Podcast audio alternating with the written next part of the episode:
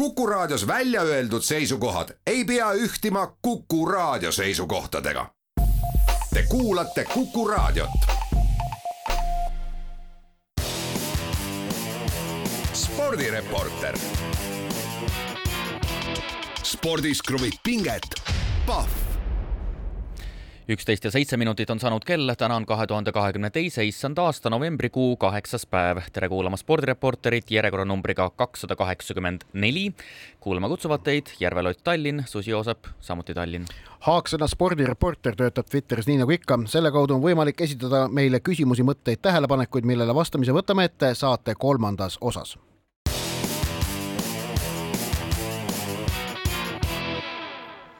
alustame aga saadet kiirete ja aktuaalsete teemadega, nagu meil ikka kombeks on ning teemaks number üks oleme sedapuhku valinud ralli. nimelt sõidetakse eeloleval nädalavahetusel tänavuse autoralli MM-sarja viimane etapp, see sõidetakse Jaapanis. tegemist on äh, kas nüüd läbi aegade esimese Jaapani MM-ralliga, vähemalt üle pika aja kindlasti, mida siin sooviti ka eelmistel hooaegadel pidada, aga koroona tõttu see polnud võimalik, nüüd seal võisteldakse. tõsi, sportlikku põnevust ülearu ei ole, sellepärast et Kalle Rompera on MM-tiitli juba mõnda aega tagasi kindlustanud ning ega seal muude medalite osas ka midagi eriti juhtuma pigem ei hakka, sellepärast et Ott Tänaku edu Thierry Neuvilli ees on kakskümmend üks punkti ehk et kui auto täitsa katki ei lähe ja Neuvill rallit ei võida, siis Tänak peaks teise koha säilitama ja Neuvillile on kolmas koht täiesti kindel. ja, aga ma natukene seda punktiseisu avaksin just nimelt Ott Tänaku senise karjääri kontekstis, et väga vähe on räägitud sellest, et olgugi, et Ott Tänak on kahe tuhande üheksateistkümnenda aasta maailmameister, siis kaks tuhat seitseteist, kaks tuhat kaheksateist ja kaks tuhat kakskümmend kolmkümmend, eh, lõpetas eh, Ott Tänak MM-sarja lõppkokkuvõttes kolmandana. ehk siis suure tõenäosusega on tegemist, vähemasti kui me vaatame formaalselt, vaatame punktitabelit, Ott Tänaku karjääri paremusel teise hooajaga. ma arvan, et see tegelikult ei ole ja, ja no nii ta... ei, ei tajuta seda, jah?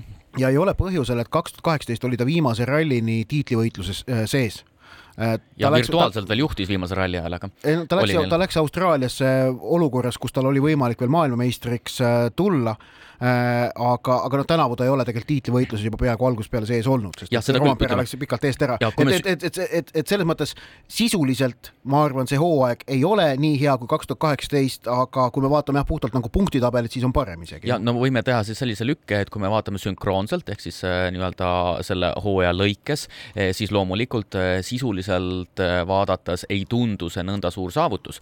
aga kui me hakkame näiteks kümne aasta pärast tagasi vaatama, siis toome välja, et jah, siin äh, kaks tuhat üheksateist tuli maailmameistriks ja suurepärane hooaeg oli ka aastal kaks tuhat kakskümmend kaks, kui MM-sarjas oli Ott Tänak kokkuvõttes teine. ja okay. kolm, kolm MM-ralli võitu ja neli poodiumi kohta on tal praeguseks kirjas ja Jaapanist loodame, et tuleb juurde, aga me tahame rääkida rallist teema number üks all põhjusel, et äh, mul on tunne, et Eestis ei ole väga nii selles, sellest aspektist seda küsimust valgustatud, aga, aga on olemas variant, et tegemist on Ott Tänaku karjääri viimase MM-ralliga.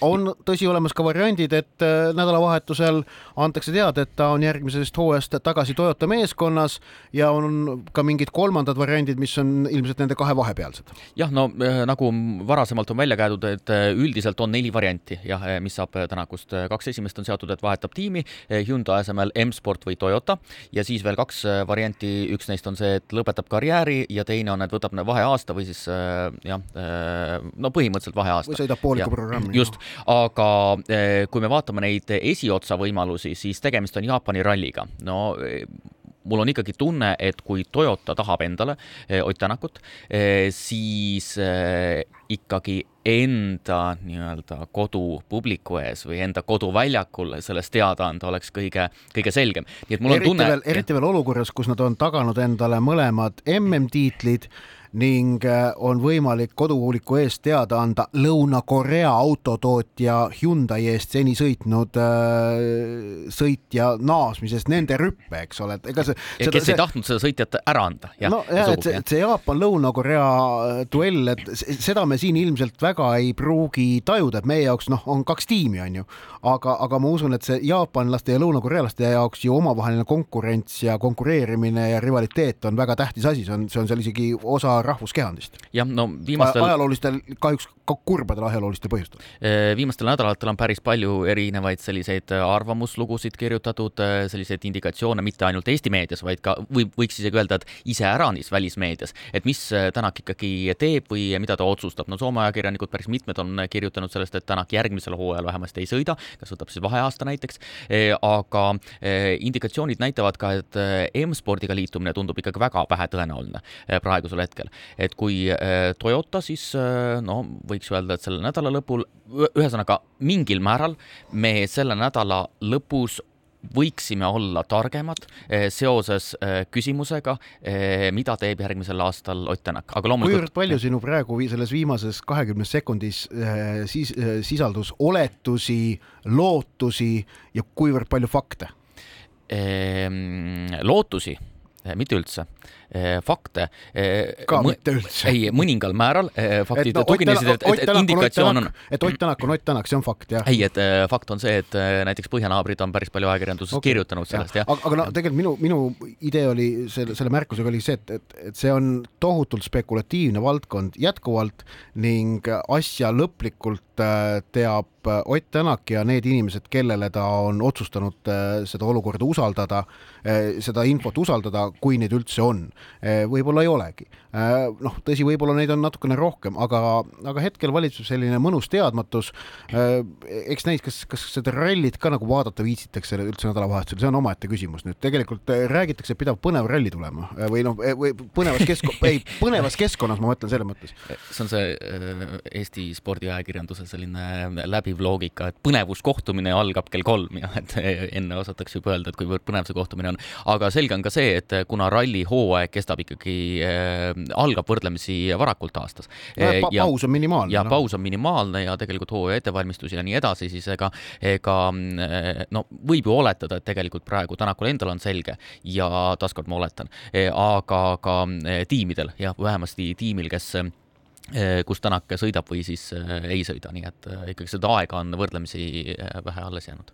nii, aga läheme teemadega edasi ning võtame ette teema number kaks ning siirdume Jaapani rallilt korvpallisaali. Jah kaks kuud pärast Euroopa meistrivõistluste finaalturniiri jätkab Eesti korvpallikoondis maailmameistrivõistluste valikturniiriga. viiendas mängude aknas võõrustatakse reede õhtul Rootsit, tuleval esmaspäeval mängitakse võõrsil Soomega. no sportliku poole pealt vaadates eh, ega üleolulised need kohtumised ei ole, võib-olla tuleks ära mainida kõigepealt, et ehm, noh, me oleme rääkinud ka siin palju ja korvpallimaailmas on räägitud palju, üldse väga palju eh, Euroliiga eh, suhtest muude rahvusvahelise korvpalliga, koondise korvpalliga nii et Kotsar Raieste on eemal, ehm, Euroliiga pausi ei tee, aga tabeliseis on ju selge, et Eesti praegu J-grupis eh, kuue liikmelises grupis kuuendal kohal, praegu kaheksast mängust kaks võitu. Eh, ja esiotsas eh, Saksamaa, Soome, Sloveenia, et ütleme sportlikult püüda siin otseselt midagi on väga keeruline, aga no võiks öelda, et tulemusele mängimine on sellest hoolimata oluline ja ähm, maailma edetabeli mõttes on võimalik ju äh, lisapunkte koguda ning see siis äh, aitab tulevastel äh, valikgruppide loosimistel võib-olla olla mõnevõrra soodsamas olukorras. aga mäletad, Joosep, et kui korvpalli EM-finaalturniir lõppes ja, ja me arutasime siin ka siinsamas saates Jukka Toiala jätkamist või mitte jätkamist, siis toona me panime paika või noh, leidsime suhteliselt üksmeeles, et kui Äh, korvpalliliit tahab peatreenerit vahetada, tuleks seda teha kohe ja mitte oodata kevadeni, kuni Stoiala leping lõpeb. Äh, ja, ja, ja noh, toona oli päris palju selliseid ähm, ähm eba, äh, no ebamäärasust selle küsimuse osas üleval. nüüd siin järgneva kahe kuu jooksul on mul tunne, et, et Toial on siin andnud paar intervjuud, kus ta on nagu võinud äkki välja lugeda, et ta pigem ikkagi sooviks jätkata nii et, aga et need mängud on, on kindlasti ka mingil määral Toiala jaoks noh, ma ei, ma ei taha nüüd öelda, küpsuseksam kindlasti mitte, aga, aga, aga noh, on argument korvpalliliidu jaoks need kohtumised, et kas, kas peatreeneriga jätkata või mitte, et need võivad seda otsust mingil määral mõjutada. aga mis puudutab Kotsari Raiest eemale jäämist, siis see on ikkagi, sellest on ikkagi noh, tagasi tuleb ta,, tuleme jälle sellesama teema juurde tagasi, aga neetult kahju on. ehk et olukorras, kus, kus need mehed tegid eelmisel nädalal esmalt väga hea partii Euroliigas, kus Kotser viskas kaheksateist punkti ja, ja Raiest vist seitse ja siis ka Hispaania kõrgliigas, kus nad alistasid Real Betisi nii, et Kotser viskas seitseteist silma ja Raieste viis ehk et mõlemad olid nagu väga jõuliselt pildil, et, et kujuta ette, kui meil oleks näiteks jalgpallis samasugune olukord, et koondise noh, olulised mängijad, juhtmängijad teevad klubirindel mingid väga head sooritused, tulevad selle pealt koondisesse, see tekitaks kohe vaimustust. Äh, aga praegu vaat see vaimustus jääb nüüd selle koondisega kahjuks saamata.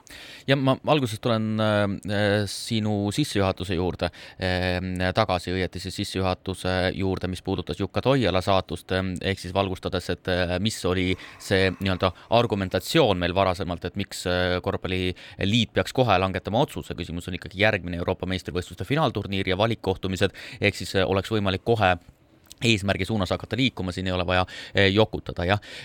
aga loomulikult paralleeliks võiks ju tuua Raieste, Kotsar esit-, muutustega, no näiteks, et Eesti jalgpallikoondislased mängivad meistrite liigas, sest mängitakse ikkagi Euroopa kõige tugevamas sarjas, noh, väikeste mööndustega loomulikult, et Euroliiga pole meistrite liiga analoog sel tasandil, et meil on olemas NBA ja nii edasi, aga Raieste ja Kotsari eh, ütleme, esitused ja ka see, et nad on samas eh, klubis üldse ja need eh, tõesti on tõstnud kindlasti Euroliiga ütleme sellist eestlaste vaatajaskonda või laiendanud seda ampluaad, sest tegelikult esiteks Eesti meedia, loomulikult spordimeedia, kogu spordimeedia räägib sellest väga palju, sellest tehakse live ülekandeid ja nii edasi, et ja, ja noh, see on. euroliiga ei keerle enam niivõrd palju ümber Kaunase Žalgirise, nagu ta eelmistel hooaegadel on paratamatult teinud ja arusaadavalt täiesti. noh, Žalgirise poolt me oleme siin Eestis ju kõik, oleme ausad ja, ja täiesti arusaadavatel põhjustel. aga lähme edasi ja võtame ette teema number kolm ning räägime tennisest. nimelt selgus eile, et Anett Kontaveit on üks kaheksateistkümnest maailma tippmängijast, kes osaleb üheksateistkümnendast kahekümne neljanda detsembrini äh, Araabia Ühendemiraatides Dubais peetaval võistlusel World Tennis League või siis noh, maailma tenniseliiga.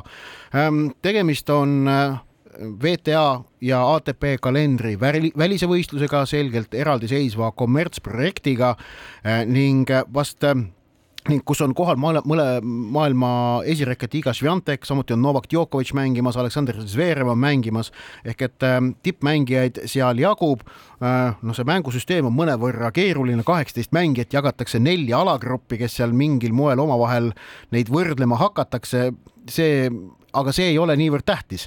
Äh, näiteks, aga küll aga tasub välja märkida, et mida ka korraldajad ise toovad esile, et iga võistluspäeva õhtuks, äh, õhtul toimub äh, kohapeal kontsert ning käisin siin enne ise tipp, ütleme popmuusikas eriti ei orienteeru, aga käisin siin Kuku raadio muusikaspetside käest uurimas ning nad ütlesid, et nimekirjast Tiesto, Dead Mau viis, Whiskid, Armin van Buuren, Mohammed Ramadan ja Nejo, vähemalt pooled on ikkagi maailma tasemel tantsumuusika nimed ehk et täielikult tippartistid on toodud sinna esinema. see on, ma arvan, kogu selle võistluse kohta päris kõnekas äh, äh fakt, et, et tahetakse teha sellist suurepärast meelelahutusüritust.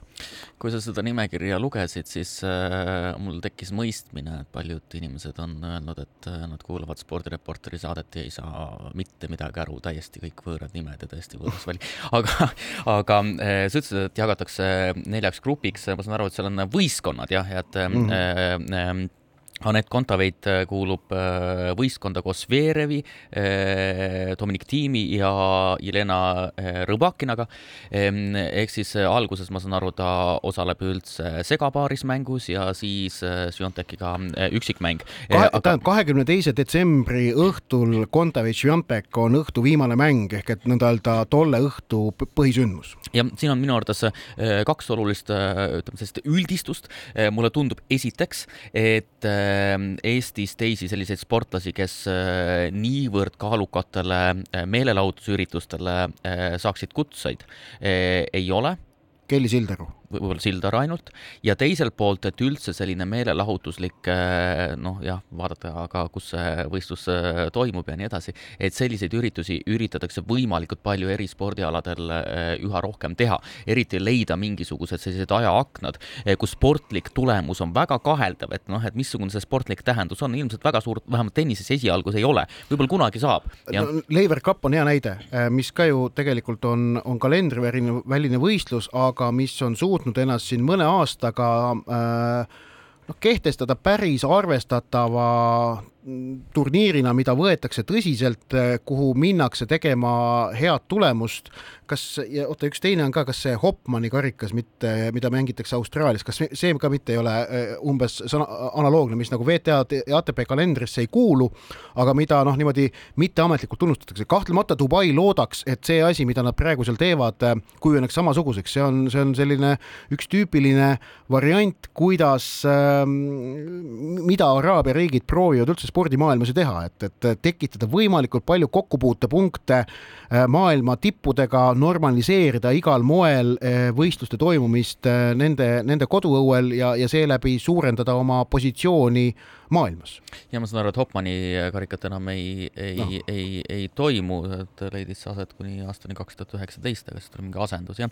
et ähm, jah, loomulikult, et kui palju üldse tennise, tegelikult see tennisekalender on ju niivõrd tihe ja mul on nagu tundub, et sinna ei mahugi enam puhtalt sportliku printsiibi alusel suurt midagi, sest see tõesti noh, see e ega tihe, ei mahu küll, jah. jah ja, sest tegelikult pigem ja, on küsimus, et ega tennisemängijad, tipptennisemängijad, ega kunas nad trenni teevad, ega nad ei teegi eriti trenni. ja, ja, ja tegelikult on see ju teadlikult tehtud, see kalender äh, tihedaks ja võimalikult ka pikaks, et et mängijatel oleks võimalik äh, elatist teenida.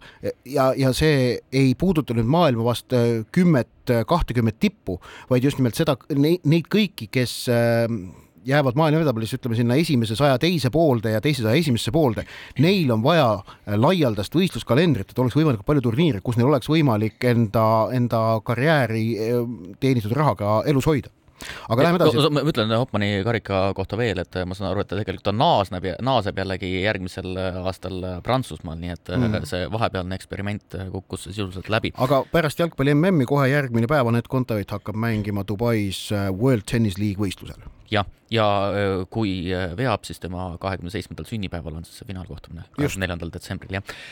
nii, aga neljas teema Eesti saalihokikoondis jätkab Šveitsis maailmameistrivõistluste finaalturniiri. algus on Wintertouris olnud kindel, hakatuseks alistati Singapur kaksteist neli, seejärel Kanada kolmteist viis ja alagrupi viimane kohtumine Taiga on praegu käimas. hetkel Eesti juhib neli-kaks, esimene kolmandik pole veel lõppenud. jah, nii et äh, võrdlemisi selge näiks olevat see, et Eesti pääseb edasi, aga pääseb edasi siis kaheteistkümne parema sekka, kuna mängitakse C-alagrupis.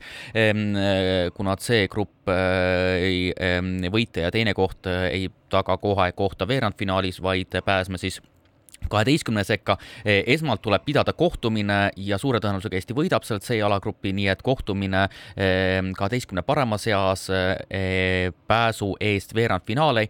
Ja vastaseks loomulikult meie igipõline rivaal. Läti jaa, homme, homme õhtul kell üheksateist null null, kolmapäeva õhtul või oli kaheksateist null, ma nüüd igaks juhuks kellaaega võin valetada.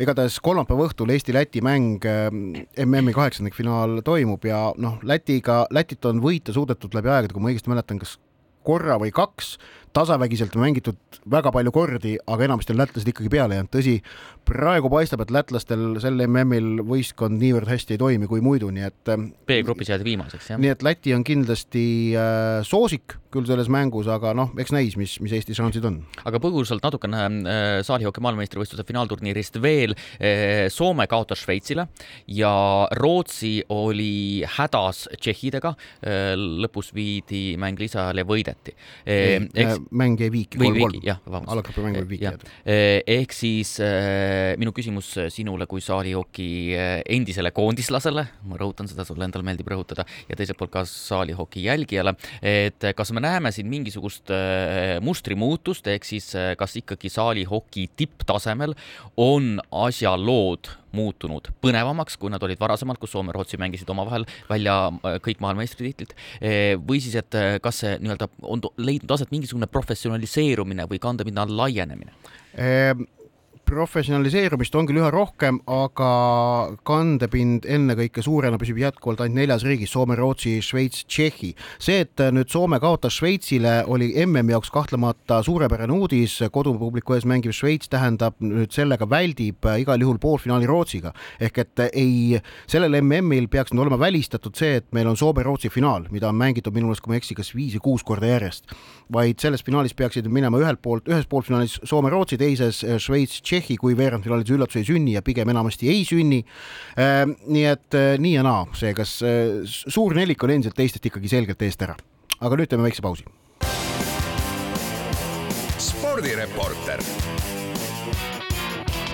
spordis kruvib pinget, Pahv spordireporter jätkab ning siirdume juttudega jalgpalli juurde, sellepärast et jalgpalli maailmameistrivõistluste finaalturniiri alguseni on jäänud äh, ainult kaksteist päeva ning äh, on toimunud siin äh, eile ka muid olulisi sündmusi, nimelt selgusid meistrite liiga kaheksandikfinaalide paarid Nyonis toimunud loosimisel ja noh, selle loosimise tulemusega Joosep ei ole mitte mingit muud varianti, kui tohutult rahul olla, sellepärast et tekkisid esmalt noh, kaks täiesti absoluutselt maiuspala paari, Madrid Real versus Liverpool ning Pariis Saint-Germain versus Müncheni Bayern, aga teiseks väga palju tasavägiseid prognoosimatuid paare, ainult üks äh, duell on selline, kus minu meelest on noh, väga selgelt soosik olemas, ehk et Manchester City on RB Leipzigi vastu noh, väga suur favoriit.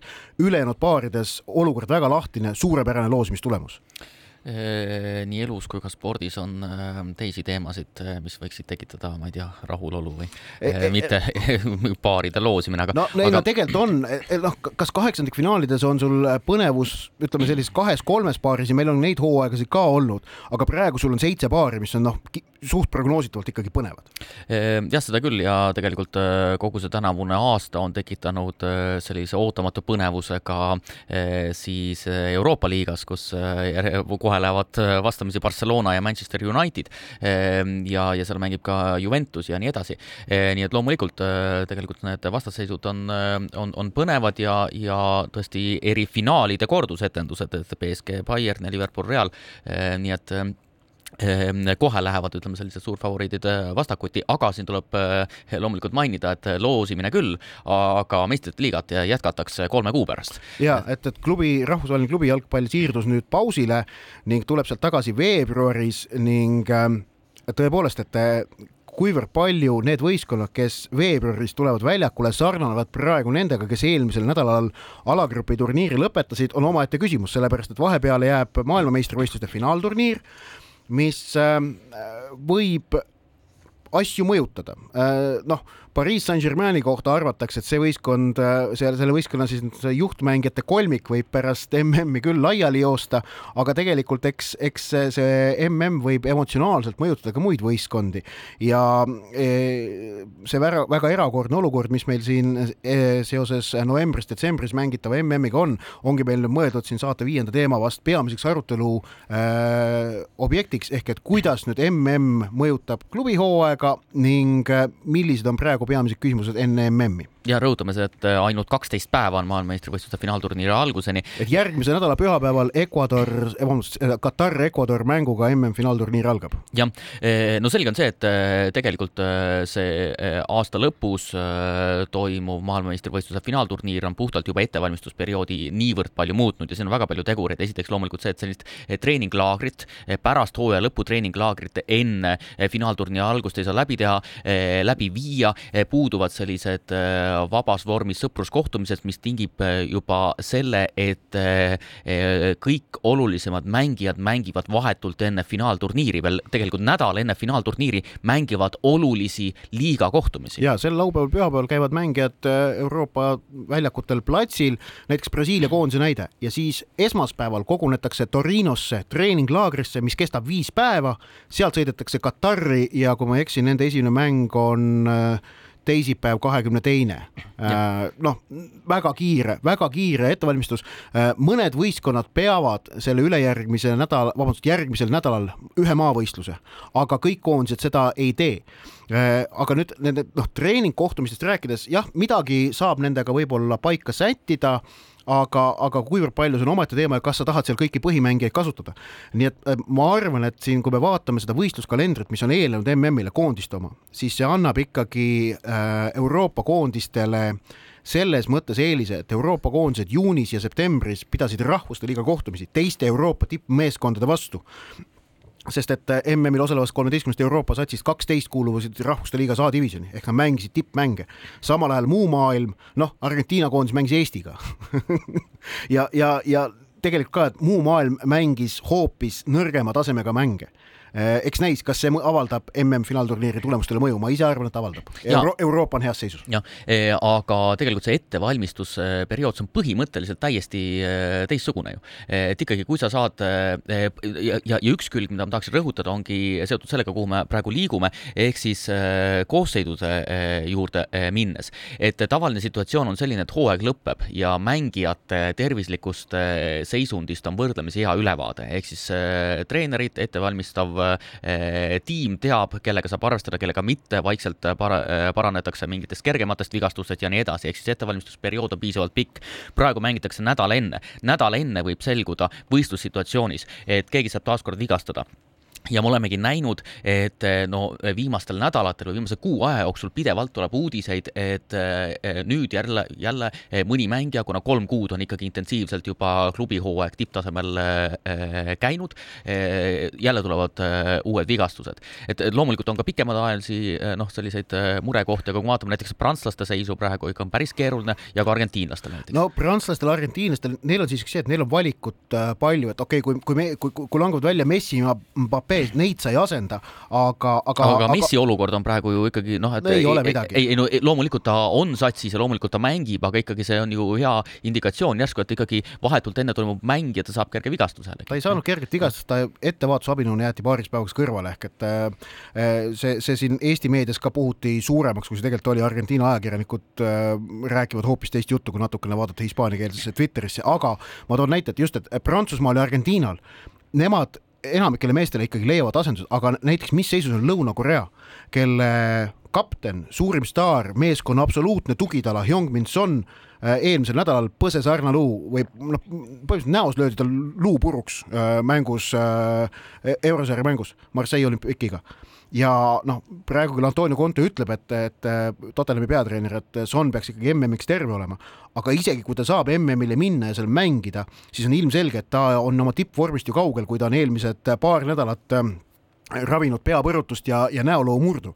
ehk et mida väiksem koondis, mida väiksem valik, seda valusamad need viimase hetke vigastused on, seda rohkem need mõjutavad. no ma, ma ausalt öelda selle Sonni vigastuse pealt oma ennustustalongidel ma kirjutan Lõuna-Koreale ilmselt kolm kaotust äh, suht tuimalt praegu tabelisse. ma nagu ei näe põhjust, et nad võiksid Portugali, Ghanat või Uruguay'd nüüd, äh, nüüd üllatada. jah, äh, nii palju siis äh, ütleme sellest perspektiivist, et mis muutub jalgpalli MM-i silmas pidades. muidugi ma ikkagi rõhutaks, et prantslastel see seis ikkagi, Pogbaad ei ole ole, Kanteed ei ole ja nii edasi, kes tegelikult olid sellised tuumsed jõud eh, maailmameistritiitli eh, võitmises. Eh, aga mis saab siis teisipidi vaadata, sest sa natukene hakkasid sinna suunas kohe alguses ka liikuma ehk siis küsimus on, et mil määral eh, siis see klubi hooaeg pärast MM-i muutub ja mis on need eh, põhjused. et esimene põhjus loomulikult on eh, väga lihtne, et jalgpalli MM-finaalturniir on võrdlemisi kurnav eh, turniir ja need koondised, kes jõuavad kaugemale ja need klubid, kellel on väga palju mängijaid maailmameistrivõistluse finaalturniiril, on kindlasti eh, noh, keerulisemas seisus. et kui vaadata näiteks ka puhtalt Inglise kõrgliigat või Hispaania kõrgliigat, siis ilmselgelt ütleme, selline tabeli keskmik eh,, kellel võib-olla ei ole niivõrd palju finaalturniiril osalejaid, osalevaid mängijaid, eh, siis eh, noh, nende eh, selline pikk ettevalmistusperiood hooaja teiseks pooleks, no kerge eelis. ja, aga ma arvan, see mõjutab tegelikult lõpuks väga väheseid klubivõistkondi, sellepärast et kui meistrivõistlustega jätkatakse jõulude nädalavahetusel, siis kümnendal detsembril mängitakse viimane veerandfinaal mille järel jääb konkurentsi ainult veel neli koondist, et ülejäänud kõik saavad juba siis tegelikult äh, koju. nii et ja, ja, ja ma ütlen veel, et pärast kuuendat detsembrit on konkurentsis veel ainult kaheksa koondist. ehk et see intensiivne periood on tegelikult ikkagi november, novembri lõpus ära ja siis enamik mängijaid on juba tagasi klubide juures. tagasi klubide juures küll, aga ikkagi vahe on väga suur, et kas kogu selle perioodi alates siis noh, mis sa ütlesid, alates selle nädala lõpust kes... kuni eh, eh, siis no... Need, kes jõuavad esinelikusse nende koondiste mängijad otse loomulikult saabub klubide juurde tagasi kurnatuna, ülejäänud pigem mitte jah, aga ikkagi see, et kas sa saad alates juba selle nädala lõpust hakata valmistuma eh, järgmiseks kohtumiseks, mis toimub eh, detsembri eh, noh, ütleme keskel, või siis sa pead mängijad ära saatma ja, ja siis hakkama valmistuma, et seal ikkagi see erinevus on võrdlemisi suur, aga, aga jah, ilmselt. aga me räägime iga klubi puhul ikkagi ilmselt mõnest mängijast, vähetõenäoline, et isegi, isegi oletame, on mingi klubi, kus läheb ma ei tea, kolmteist mängijat MM-ile siis tõenäosus, et neist kolmeteistkümnest neli-viis jõuavad sinna esineliku sekka, on, on pigem väike. nüüd aga väikene paus ja siis võtame ette kuulajatelt laekunud küsimused. spordireporter. spordis kruvib pinget, Pahv spordireporter jätkab Kuku raadio Tallinna stuudios jätkuvalt Joosep Susi Ott Järvela. me oleme eelmises kahes saatuses niivõrd pikalt äh, lõugadel laksuda lasknud, et meil on küsimuste lahkamiseks mõnevõrra vähe aega ja me tahame saate lõpus veel Heiki Nabi dopingujuhtumist ka rääkida, aga mõned küsimused ikkagi võtta jõuame ning alustab Joosep, kes loeb ette esimese küsimuse. Joel pärib nõnda, mis on Oti arvamus Kataris toimuva maailmameistrivõistluste moraalsuse kohta, kas süsteemselt inimõigusi rikkuvas riigis toimuva turniiri kajastamine ning üldse selle jälgimine on sinu meelest üldiseid inimõiguseid toetava inimese jaoks kohane? ma ütleksin, et selle, arvestades, et ma olen jalgpalliajakirjanik, siis minu jaoks on selle äh, kajastamine ja jälgimine kohustuslik ja eriti põhjusel, et see turniir toimub Kataris. ehk et äh, kogu selle MM-i puhul on oluline, et äh, nii kajastades seda jälgides äh, kõik need Katari kui toimumiskohta puudutavad probleemid samamoodi saaksid äh, tähelepanu alla, saaksid, saaksid asetatud konteksti. samas selle turniiri boikoteerimine ei mängijate, ajakirjanike, fännide poolt, no fännide poolt ma saan aru, et kui, kui ei taheta minna, siis muidugi ei, ei tohigi minna, kui, kui kardetakse enda pärast või tuntakse ennast ebamugavalt, täiesti arusaadav. ja, ja keda, keegi ei pea telekas seda vaatama, aga samas äh, mitte keegi seda turniiri kunagi tulevikus ka ajaloost ei kustuta. ehk et see maailmameister, kes selgub Kataris, on täpselt samaväärne maailmameister kõikide teistega läbi jalgpalli MM-ide ajaloo. ehk et seda jalgpalli ajalugu, jalgpallilugu jutustatakse Kataris samamoodi nagu kõikidel teistel finaalturniiridel, vaatamata sellele, et selle Katari turniiriga tõepoolest noh, tohutult palju küsitavusi ja probleeme ja ja FIFA presidendi Gianni Infantino eelmise nädala avaldus, et keskenduge nüüd spordile ja ärge, ärge keskenduge poliitikale, tegelikult oli, oli, see oli ääretult rumal info Infantino poolt selle jutuga välja tulla, ta ainult valas õli lõkkesse juurde ning, ning, ning see tagab, ma arvan ka selle, et kogu äh, see poliitiline taust, mis Katari MM-iga on seotud, püsib äh, esiplaanil oluliselt tugevamalt, kui me oleme muidu harjunud tiitlivõistluste puhul, mis on probleemsetes kohtades toimunud. jah, äh, siin on minu arvates äh, mitu erinevat tasandit, millele tuleks äh, tähelepanu pöörata, esiteks ma olen nõus näiteks Jürgen Kloppiga, et nõuda mängijatelt näiteks, et nad võtaksid mingisuguse seisukoha ses osas, sest see leiab aset Kataris ja nii edasi, pole tarvilik, aga ajakirjanik aga samas samas on mängijatel, kui nad tahavad, õigus seda seisukohta võtta, aga neil ei ole kohustust. aga teine külg on loomulikult, et minu arvates mitte ainult jalgpalliajakirjanikud, vaid rahvusvaheline meedia üldiselt kindlasti peaks väga selgelt lahkama kahte küsimust, esiteks äh, ei tohi ära unustada seda, missuguseid täiesti absurdseid, ebamoraalseid otsuseid on vastu võtnud FIFA, äh, kindlasti seda tuleb õhus hoida. Ja loomulikult kõik see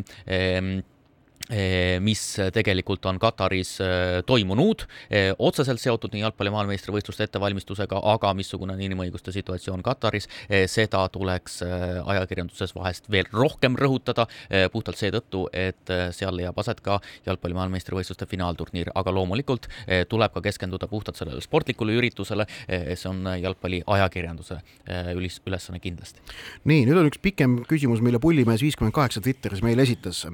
miks näitab võidab ERR Premium-liiga viimases voorus kõige vähem olulisemat mängu ehk Flora Levadia. kõikides teistes mängu, mängitakse tabelikohad välja, välja arvatud Leegion Pärnu, mis tõsi, on ka huvitavam, sest seal saab näha, millises olekus läheb Leegion üleminekumängudele. toon näite Inglismaalt, kus viimases voorus mängivad tabeli esimene ja teine, kel omavahel kõik selge ning neljas ja viies, kus selgub, kumb neist pääseb meistrite liigasse. Sky Sportsi valik langeks raudselt ju viimasele variandile, kus panused kõrgemad. Pullimees viiskümmend kaheksa ütleb, et tema küsimus on lihtne, miks tehti selline arusaamatu valik ja kes ERR-ist sellise totra valiku tegi. ning põhimõtteliselt on tal sama küsimus ka Sokkernetile puudutab, mis puudutab esiliigat, et miks näidatakse viimases voorus Flora U kakskümmend üks Harju Laagri kohtumist, millel pole enam mingit kaalu, mitte näiteks Viimsi tulevikmängu, kus üht-teist veel on kaalul Ehm, see on väga kompleksne, kõigepealt peaks vist äh, aru saama sellest, äh, mismoodi need äh, valikuid langetatakse ja mis hetkel, kuivõrd palju enne mängu toimumist näiteks ERR saab valida, mismoodi näiteks Inglismaal üldse valitakse, sest Inglismaal no, näidatakse, jah, täiesti erinevad, Inglismaal ju näidatakse kõiki kohtumisi ja põhimõtteliselt siis noh, eri telekanalitel on jaotatud need valikud ja need pannakse no. suhteliselt varakult paika. ja aga no Eestis konkreetselt tegelikult on süsteem selline, et see mäng, mida viimases voorus valitakse, valitakse välja noh, ERR-i ja Jalgpalliliidu koostöös ning mõlema osapoole selge veendumus ja soov on, et tahetakse näidata seda mängu, kus antakse üle meistrikarikas või kui see pole kindel, siis mängu, kus kõige tõenäolisemalt see meistrikarikas üle antakse jah, ja lisaks sellele, kui äh, Inglismaal näidatakse neljanda ja viienda äh, koha heitluse kohtumist, äh, siis see huvi on meeletult suur kui Eestis näidatakse kolmanda-neljanda koha eh, heitlust, mis äsja oli teleekraanil, eh, siis väga hea mäng oli pühapäeval, kus Paide Kaljut üks-null võitis. Eh, siis see huvi on oluliselt väiksem, eriti mis puudutab üleminekumänge ja nii edasi. et lihtsalt see nii-öelda jalgpallikultuuri sügavus on lihtsalt noh, täiesti erinev. Martti on esitanud küsimuse, teil oli võrkpalli kohta hulk häid küsimusi, millele te vastasite, aga miskipärast ei tekkinud teil küsimust, et kui meil on tüdrukuid trennides kaks korda rohkem kui poisse. miks siis naiste võrkpall ei ole meil sportmängude paraadala Euroopa meistrivõistlustel top kaheksa seas? Ma olen aru saanud, et see tüdrukud-poisid võrkpallitrennides suhe seitsekümmend, kolmkümmend ei ole olnud mitte püsiv nähtus, vaid üpris värske nähtus, seda esiteks. Äh, aga teiseks on ka see, et, et kas äh, treenitakse samade eesmärkide ja ambitsioonidega ehk et äh, kas, kas soovitakse üldse teha, mm, kas, kas võrkpalli mängitakse siis nende noorte poolt tippspordi eesmärgil või harrastuse eesmärgil, sealt sõltub ka see asi. aga, aga jah, miks pole naiste võrkpall sportmängude paraadala, järelikult ei ole tase veel piisav harrastajate hulk, eh, kui palju poisse või tüdrukuid eh, on trennides, eh, on väga väike näitaja ainult, mis puudutab siis tipptasemel tulemusi. tõesti, nagu sa ütlesid, et mis see eesmärk üldse on, et ütleme, noortespordis ei tohiks eesmärk olla ainult tulemusele orienteeritud või peamiselt tulemusele orienteeritud, neid mõjutegureid niivõrd palju. aga tõmbame küsimustele praegu joone alla ja väikese pausi järel räägime juba Heiki Nabi juhtumist spordireporter. spordis kruvib pinget, Pahv olümpiahõbeda, kahekordse maailmameistri Heiki Nabi dopingusaaga jätkub, kui möödunud nädalal saime teada anda spordiarbitraaži otsusest, siis möödunud nädalal teatas Nabi tiim, et otsus kaevatakse edasi Šveitsi föderaalkohtusse. mõtlesime saate lõpuosa pühendada ka selle, sellele, missugustest perspektiividest on võimalik üldse Nabi eh, juhtumile läheneda ja võtame kõigepealt ette kaks vastandlikku positsiooni. esimene positsioon, ma loen mõlemad ette, esimene positsioon on, ütleme, võiks öelda, et selline domineeriv Eesti spordimeedias, positsioon on selline. Heiki Nabi ei teadnud äh, mitte midagi ja tegemist oli täiesti juhusliku saastumisega. ja teine positsioon kuidas vaataksid olukorda näiteks noh, kujutame ette Gruusia või Hispaania maadlushuvilised, maadlusspetsialistid. ehk siis kaks positsiooni, missugune see on see seestpoolt vaadates ja missugune positsioon eh, vaatab vastu siis, eh, kui me võtame sellise Eesti hoiaku ja et noh, et Eesti hoiakuga me oleme kursis, me oleme seda näinud, aga no välishoiak oleks, välismaine hoiak oleks see, et, et kes, kui, kui, kui olukorrale vaataks äh, otsa jah, inimene, kes ei tea Heiki Nabi persoonist midagi, vaid ja, ja kes ei ole ka teab, mis suur tegelikult maadlusega kursis, vaid ta vaatab lihtsalt selliseid tuimi asjaolusid, mis nagu igal dopingujuhtumil öö, äh, olemas on, nagu, nagu me vaatame näiteks tõepoolest mingisuguse Hispaania noh, ma ei tea, käija dopingujuhtumit. Contador Contador on äkki isegi natuke liiga prominentne. Eh, no oleme ausad, Heiki Nabi ei ole maailmas prominentne sportlane, Contador on selline, kes on maailmas tuntud. aga sai toorest veiseliha. ja ei, aga noh, võtame mingi sellise no, ikkagi suhteliselt tundmatu sportlane, kes ei ole maailma mõistes noh, staar, ta on, Heiki Nabi on küll maadluse sees suur nimi, aga maailma ehk et see profiil oleks järgmine. Vana ikkagi karjääri lõpusirgel olev sportlane sai teada et Tokyo olümpiamängud, tema karjääri viimane tippvõistlus, nihkuvad aasta võrra edasi koroonapandeemia tõttu. Äh, mis tähendab, et tal oli vaja äh, püsida tippvormis, löögijõus, medalivormis aasta aega kauem, kui tal esialgne kava oli olemas. samal ajal oli teada, et äh, koroonapandeemia tõttu igasugune dopinguproovide võtmine on, on raskendatud, sest reisipiirangud kehtisid ka Euroopas.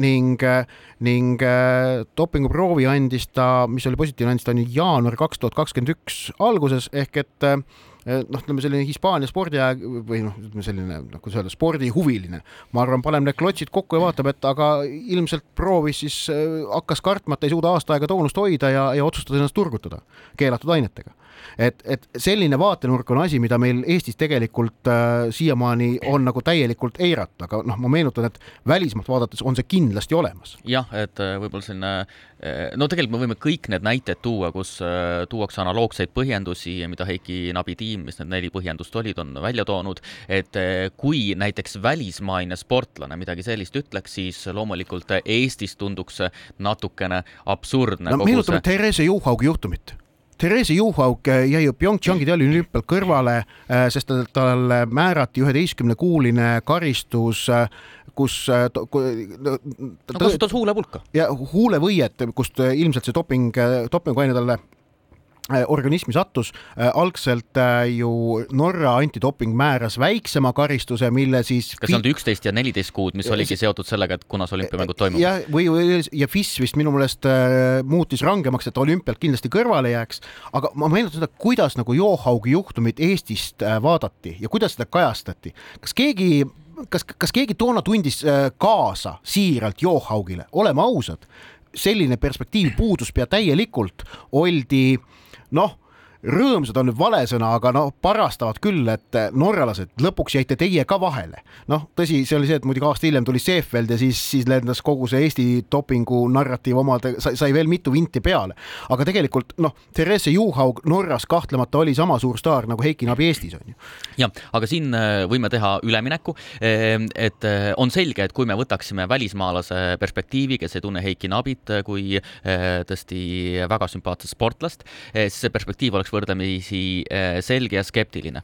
aga Juhaugi positsioon on ka näiteks Norras ju ikkagi äh, täpselt vastupidine ja Norras noh, ei käsitleta Juhaugi kui äh, dopingusportlast laias laastus, ta on väga populaarne sportlane ja noh, laias laastus käsitletakse teda kui ikkagi sellist noh, ebaõigluse ohvriks sattunud sportlast väga tihti. nii et tuleme selle esimese poole juurde tagasi ja, ja sellest meie saates tuleks minu arvates ka rääkida antud kontekstis, ehk siis Heiki Nabi ei teadnud ka mitte midagi, et tegemist ongi juhusliku saastumisega, ehk siis tegemist on tõesti eh, tippsportlasega, kelle, eh, keda on tabanud eh, tohutu ebaõnn.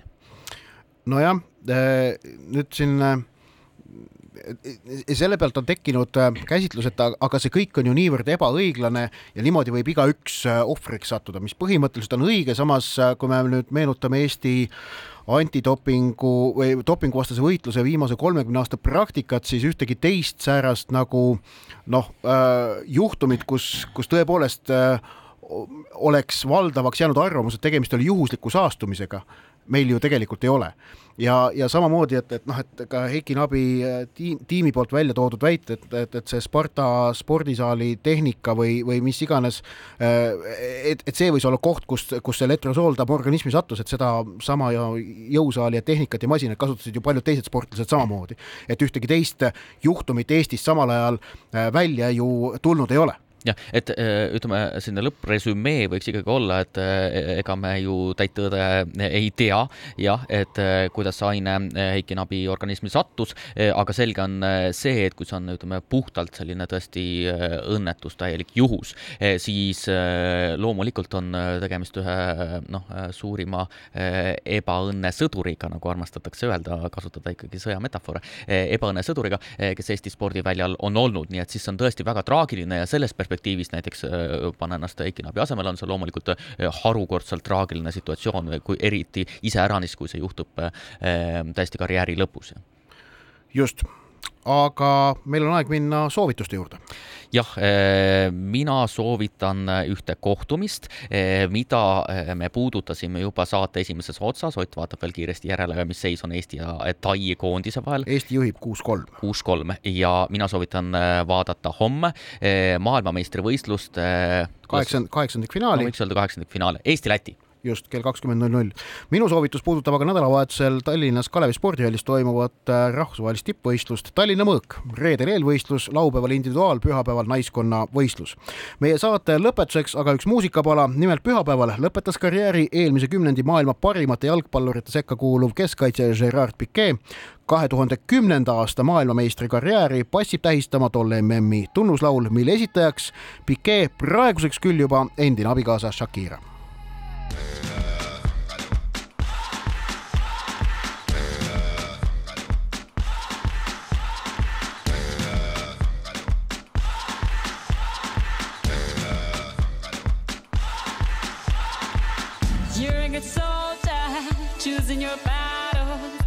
yourself up and dust yourself off and back in the saddle. You're on the front line, everyone's watching. You know it's serious, we're getting closer, this isn't over.